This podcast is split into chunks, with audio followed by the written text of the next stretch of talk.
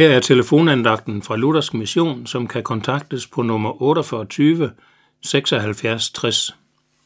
Mit navn er Flemming Jeppesen. Vor tid her på jorden er ikke uendelig, og det er vigtigt at være opmærksom på det. Vi er alle på vej gennem livet. Hvor lang vej vi har endnu, ved vi ikke, men vi ved, at før eller siden vil tiden løbe ud, og vi bliver jævnligt mindet om, at tiden kan være kort. Alle vi, der lever nu, har en begrænset fremtid her på jorden. Og når vores tid her er slut, er der en evighed foran os, som er uden ophør. Og derfor er det klogeste, et menneske kan gøre, at være opmærksom på dette. I salme 90, vers 12, beder Moses Gud om, at han vil lære os at holde tal på vores dage, så vi får visdom i hjertet. Og netop det er visdom, at vi er opmærksomme på vores tidshorisont.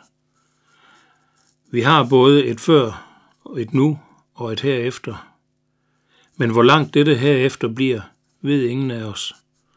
Blot ved vi, at der kommer en evighed, og om vi skal tilbringe den evighed sammen med Gud eller adskilt fra ham, afhænger af vort forhold til Jesus i vort liv her og nu.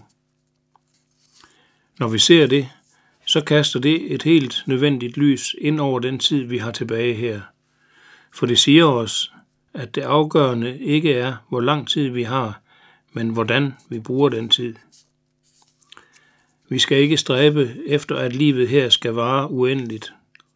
Men derimod er der en dyb visdom i at leve Gud nær og dele alt det, som han giver os med andre.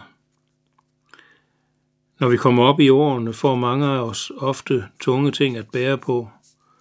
Men når vi her i tiden lever vort liv sammen med Jesus, har han lovet os en evighed sammen med sig. Amen.